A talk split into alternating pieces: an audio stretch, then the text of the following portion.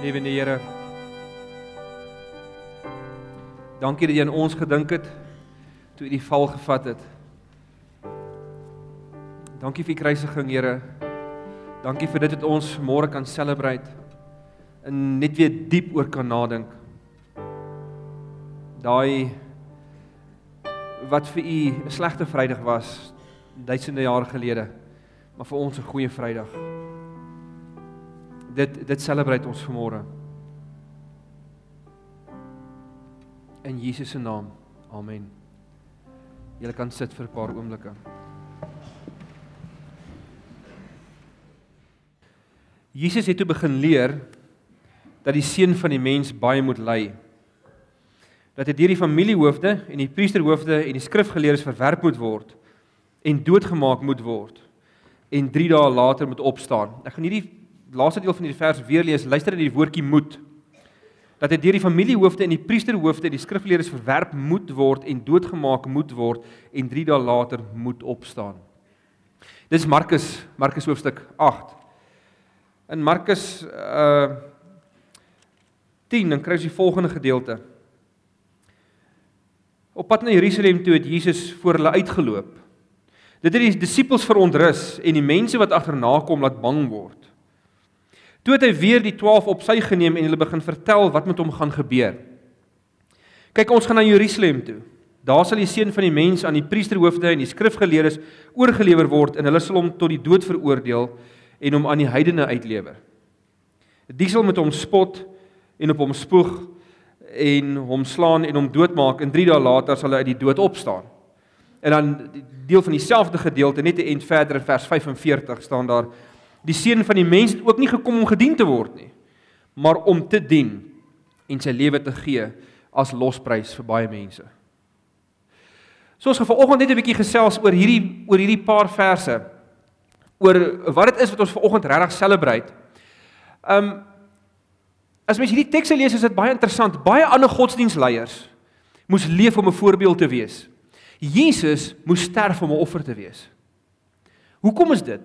En ek bedoel baie van ons wat die Here al lankal ken, weet dit en verstaan dit en dis al deel van ons lewe, maar dit is goed om vanoggend weer hierdie vraag van vooraf te vra. Ehm um, Jesus moes kom as 'n offer en hy moes kom in die plek van baie, so dis 'n plaasvervangende offer wat moes plaasvind.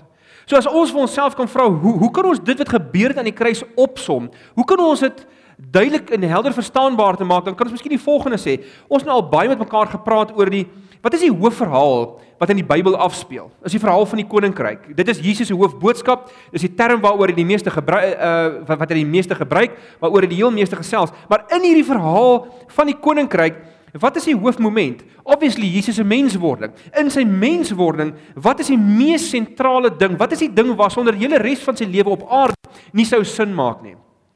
En dit kan ons pinpoint op Paasnaweek en spesifiek vandag op Goeie Vrydag op die kruisiging. So wat het Jesus kom doen? Wat het aan die kruis werklik gebeur? Wat het hy gewen vir ons aan die kruis? En ek wil met julle vandag baie eenvoudig net praat oor een term, twee woorde, een term. En dit is die term plaasvervangende verzoening. Dis wat Jesus kom bring het. Plaasvervangende verzoening. Dis die hart Dis die hart van die evangelie. As ons sê dat die storie van die koninkryk gaan daaroor dat hoe sal dit wees as God regtig regeer hier tussen ons, dan en ons kyk na Genesis 2 en 3 en ons sien wat se drie verhoudings gebreek het weer eens vir die soveelste keer die verhouding tussen mens en God, mens en medemens en mens en skepping. Dit gaan ek gereeld sê. Ek maak dit my my doel op aarde is ek eendag hier baie dat julle hierdie gaan onthou, dat drie verhoudings gebreek. Daar drie verhoudings gebreek en en hoe hoe is dit as God regeer? Hierdie verhoudings word herstel. Maar vanoggend praat ons oor hierdie drie verhoudings, maar oor een baie spesifieke verhouding, die sentrale, die primêre verhouding tussen ons en God. In in hierdie opsig het Jesus vir ons plaasvervangende verzoening gebring. So kom ons kyk net eers aan die woord verzoening. Wat bedoel ons met verzoening? Uh nou hierdie is 'n groot teologiese woord, maar die die die teks wat ons vanmôre gelees het, het daarvan gepraat. Plaasvervangende verzoening. Verzoening is om 'n verhouding te herstel. Dis om iets wat gebreek het heel te maak. As ek byvoorbeeld ehm um, nou jy uitry en ek ehm um, ehm um, ek jaag hier op en ek oortree die spoedgrens en ek kry 'n spoedkaartjie. Ehm um, wat ek deesdae voor met budget. Ehm um, dis 'n belydenis. Nie ek ek brag nie. So bid maar vir my spoed. As ek 'n spoedkaartjie kry, dan is die verhouding tussen my en die samelewing is eintlik verbreek. Want ek het die wet oortree. Ek het dit wat ons as 'n samelewing saambind, het ek nie gehoorsaam nie. Ek het dit gebreek. So, wanneer word ek weer versoen? Die oomblik as ek na die poskantoor toe gaan of waar of online gaan en ek ek betaal my kaartjie, daai oomblik vind versoening plaas weer tussen my en die samelewing. Nou kan ek weer deel van die samelewing wees. Nou is ek weer een van julle. Nou, ehm um, en wat gebeur as iemand iets steel? Ehm um, hy verbreek die verhouding tussen hom en die samelewing. Hy gaan tronk toe vir 'n paar jaar en hy betaal vir wat hy gedoen het. So hy hy's besig om homself te versoen. Wanneer hy uitkom, is hy weer versoen met die wêreld, versoen met die samelewing. Nou baie mense vra, weet, hoekom hoekom kan die Here nie net vergewe nie? Ek bedoel, heng, as hy regtig so liefdevol is, hoekom kan hy nie toe Genesis drie plaas gevind het net sê wie ek vergewe net alles. Hier's 'n groot rede. Want met omdat hierdie primêre verhouding tussen ons en God gebreek het en ons is God se beelddraers, dis die primêre verhouding in die heelal. Toe dit gebreek het, het daar kosmiese skade in die in die wêreld ingekom. As ek weer eens in my kar klim en ek vers daar agter en ek ry in Jesus se kar vas en ek gooi 'n stamp in sy kar. En ek het nie geld nie en ek kom na hom toe en ek sê vir hom: "Jy man, jy's mos 'n dominee. Vergewe my." Hy kan my vergewe want hy's 'n nice ou. Maar dit gaan nie die duik uit sy kar uithaal nie. Of hy of ek gaan steeds met met betaal daarvoor. En dis wat met die kruis moes gebeur het want dit dis waarom verzoening nodig was. Want selfs al het die God die vermoë gehad om dadelik te vergewe, sy karakter as daar iets fout is, as daar onreg gebeur, as iets nie reg is nie, dan kan iets nie gebeur nie. Iets anders moet eers gebeur. Dan kan nie verzoening plaasvind nie. Iets anders moet eers gebeur om die duik uit die heelal uit te haal, om die skade te herstel, om om weer dit moontlik te maak sodat mense wie met God versoen kan word want want waar mense met God versoen kan word die beelddraers van God ek en jy die mens as ons weer met God versoen kan word dan kan die res van die skepping ook begin herstel.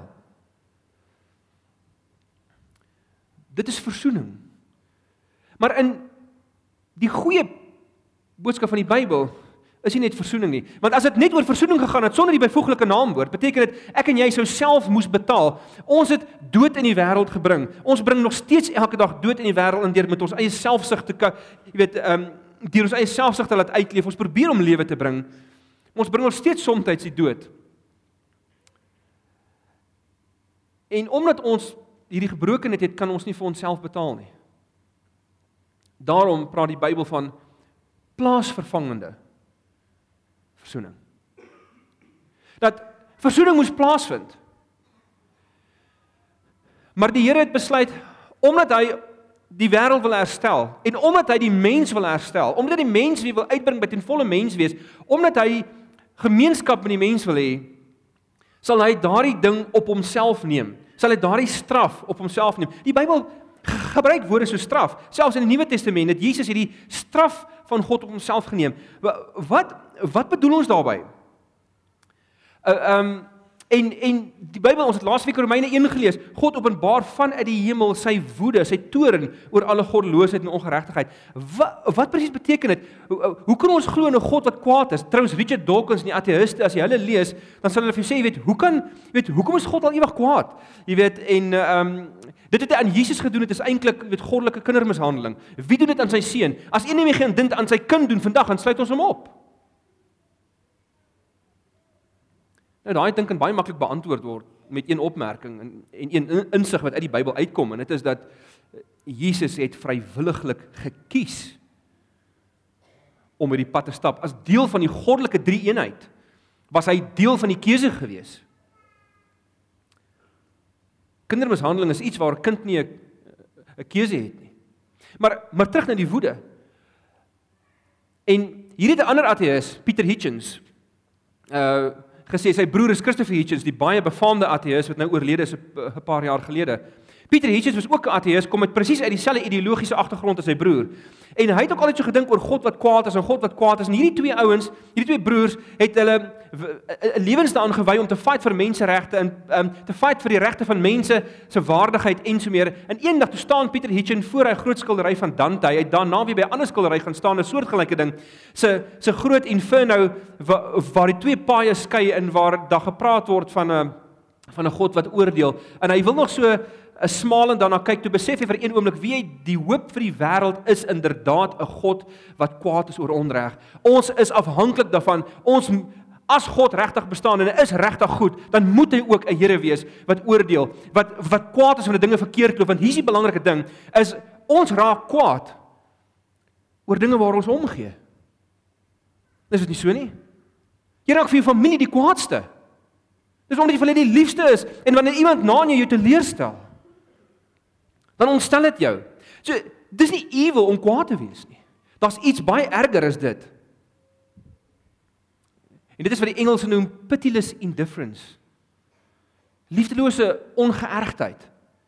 In die Nuremberg trials net na die Tweede Wêreldoorlog waar die nazi-offisiere ehm um, veroordeel is, het het hulle hierdie ouens gekyk wat so op die stand geroep word deur die nazi-offisiere wat sê, "Maar wie wat, dit was die landswette gewees. Jy weet, ons moes die Jode uitwis. Die, uh, ons is so beveel deur ons superieurs, deur die ons bevelvoerders." En hierdie is 'n interessante ding.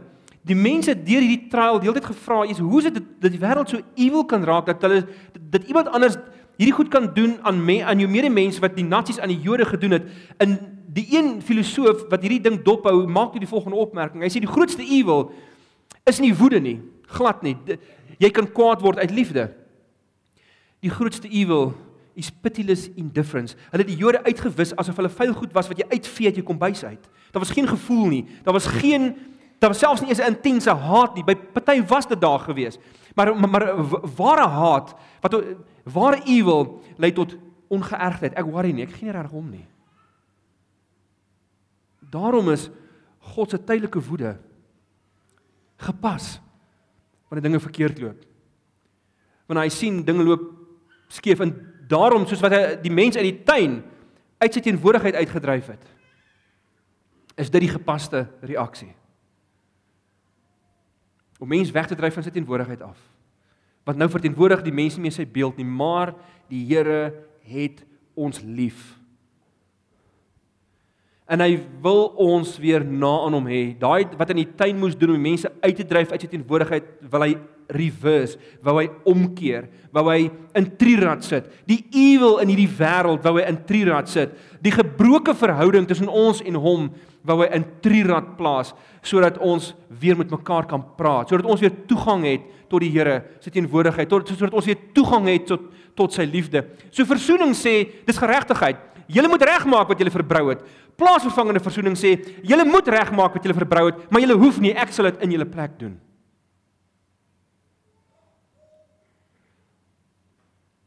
Ek sal dit in julle plek doen. Hierdie boodskap van plaasvervangende verzoening is die hart van die evangelie. Dis dit wat gemaak het dat die vroeë kerk na hulle vyande kon kyk en sê ek sal my vyand lief hê. Want vir daai ou is daar reeds betaal aan die kruis, soos vir my. Ek hoef hom nie meer te haat nie. Want God het God is bereid om hom te vergewe. God het in sy plek gesterf, net soos wat hy in my plek gesterf het. Daarom kon 'n community soos die Amish community in 2007 in die FSA die persoon vergewe wat op 'n dag in die Amish se skooltjie ingestap het met 'n geweer, die deur toegesluit het en vyf dogtertjies doodgeskiet het en ses ander gewond het. En toe homself geskiet het. Wat het die Amish mense gedoen? Die Amish is weird mense, maar hulle is Christene soos ek en jy. Hulle glo in daai, hulle hulle glo in plaasvervangende verzoening. Wat is die reaksie van die Amish community? Hulle kom na hierdie moordenaar se begrafnis toe. En hulle betaal vir alles. En hulle stig 'n fonds vir die vrou en die kinders van hierdie moordenaar. Om hulle te help en hulle te dien. Hoekom? oor dit. Oor plaasvervangende verzoening.